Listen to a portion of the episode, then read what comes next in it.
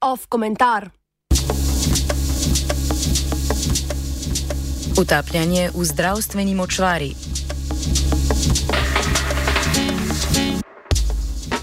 Ker se nam komentar z hekanega Instagrama Boruta Pahorja upira, se sredi parlamentarnih počitnic ozrimo nazaj in povežimo dva ključna julijska dogodka: sprejetje novele zakona o zdravstvenem varstvu in zdravstvenem zavarovanju ter novi razrez državnega proračuna za prihodnji dve leti.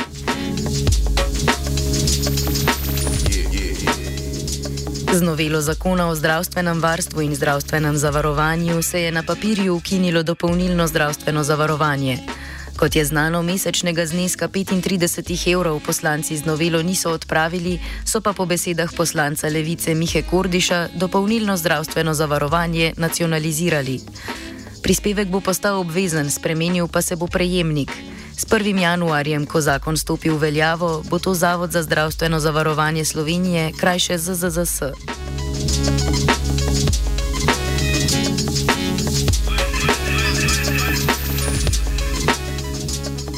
Spomnimo, da je poslanska skupina Svoboda predlog novele uložila v parlament zgolj zato, da bi prehitela nekdanjega poslanca Slovenske demokratske stranke Pavleta Ruparja in njegovo društvo Inštitut 1. oktober.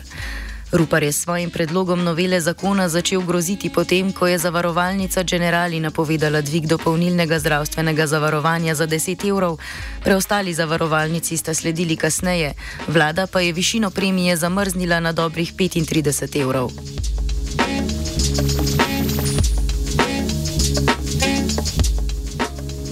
A smiselno se je vprašati, kje je izvor dvigov premije za dopolnilno zdravstveno zavarovanje.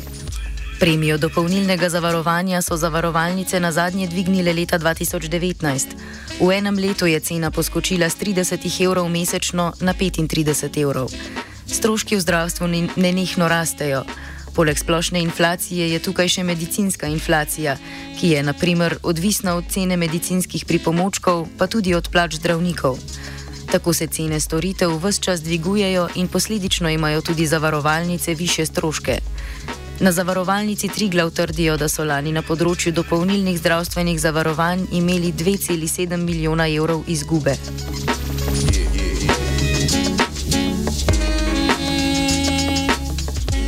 Dvig premij bi bil po stališču zavarovalnic nujen za ohranitev njihovih dobičkov.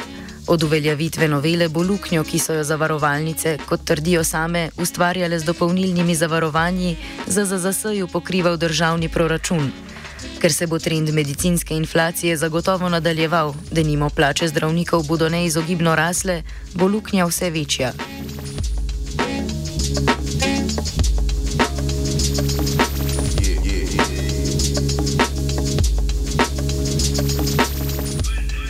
Proračunska varovalka sama po sebi je smiselna z vidika, da država poskrbi za zdravstveno zavarovanje državljanov. A naslednje leto se bo finančno ministrstvo, kot napoveduje minister Klemen Boštjančič, skušalo približati omejitvam, ki jih proračunski porabi postavljajo fiskalna pravila Evropske unije. Evropska komisija namreč načrtuje, da bodo, da bodo pravila, ki omejujejo presežek proračunskih odhodkov nad prihodki na 3 odstotke bruto domačega proizvoda države, po COVID-nem suspenzu naslednje leto ponovno stopila v veljavo. Napovedi rasti bruto domačega proizvoda niso prav visoko leteče. Grob izračun pa kaže, da je letos razmerje med okrog 3 milijardnim proračunskim primankljajem in okrog 60 milijardnim bruto domačim proizvodom pri nas 5 odstotkov, torej 2 odstotka preveč.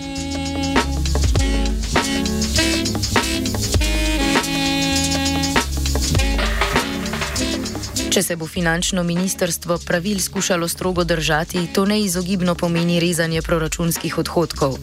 Po proračunu za leto 2024, ki ga je državni zbor potrdil konec lanskega leta, bi zdravstveno ministrstvo prihodnje leto imelo iz proračuna na voljo 734 milijonov evrov. Na finančnem ministrstvu pa so že pripravili nov razrez proračunskih izdatkov za prihodnji leti.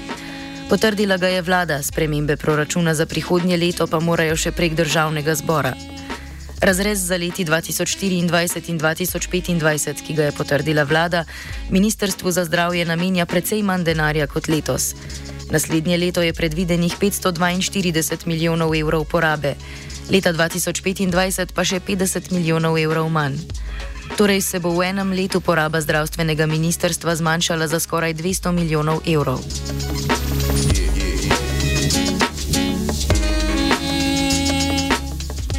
Po poročanju portala NN, ki se sklicuje na vir z Ministrstva za finance, naj bi sicer imelo Ministrstvo za finance 330 milijonov evrov rezerve, delno namenjene tudi za sofinanciranje ZZZS po ukinitvi dopolnilnega zdravstvenega zavarovanja.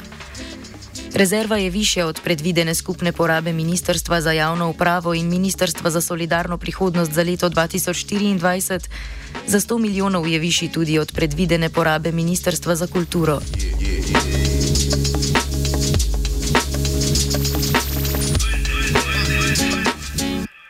Novela zakona o zdravstvenem zavarovanju sicer ZZZS-ju daje možnost višanja obveznega prispevka, ki bo nadomestil dopolnilno zavarovanje. A to bi spodkopalo podlago za upraviče, upravičevanje delne nacionalizacije. Desnica bi znova dobila argument za propagiranje zasebniškega zavarovalniškega modela, ki je vsaj na papirju prostovoljen.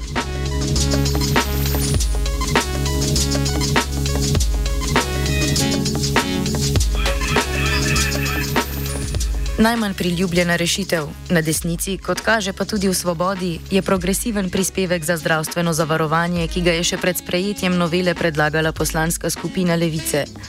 Ta se na dolgi rok kaže kot najbolj stabilna rešitev, ne samo politično, ampak tudi proračunsko. A ideja, da bi premožnejši plačevali pravičen delež, je povsem pričakovano povzročila burne odzive ki so se kazali predvsem kot grožnje za kamufliranje v propagando in širjenje strahu pred vrnitvijo v jeklene čase socializma. V levici so, kot smo od nje vajeni, odkar je v koaliciji na zadnje sklonili glavo.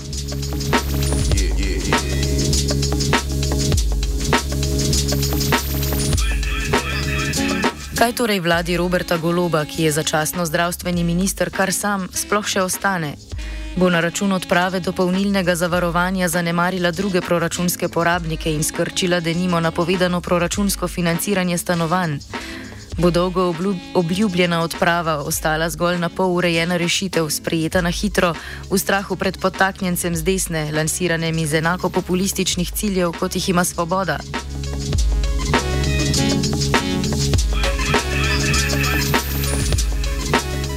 Če se bo vlada strogo skušala držati fiskalnih pravil, ki se v dani situaciji znova kažejo kot škodljiva, ima tri možnosti. Prva je zanemarjanje drugih področji zaradi proračunskega financiranja ZZZS-ja. Druga v vladajoči koaliciji, precej nepopularna rešitev, je uvedba progresivne lestvice. Kot tretja možnost pa vselej ostaja še večja privatizacija zdravstva, namreč prek krčenja količine zdravstvenih storitev, ki jih financira in jih bo financiral ZZZS. Povedano drugače, se bo slovensko dopolnilno zdravstveno zavarovanje utapljalo v močvari, se bo poskušalo rešiti na levi breg ali bo za, za ceno najranljivejših šlo čez desni breg v novo močvaro.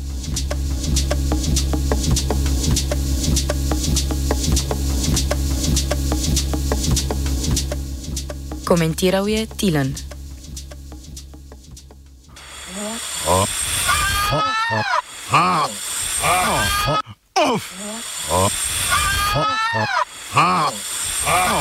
Off komentar.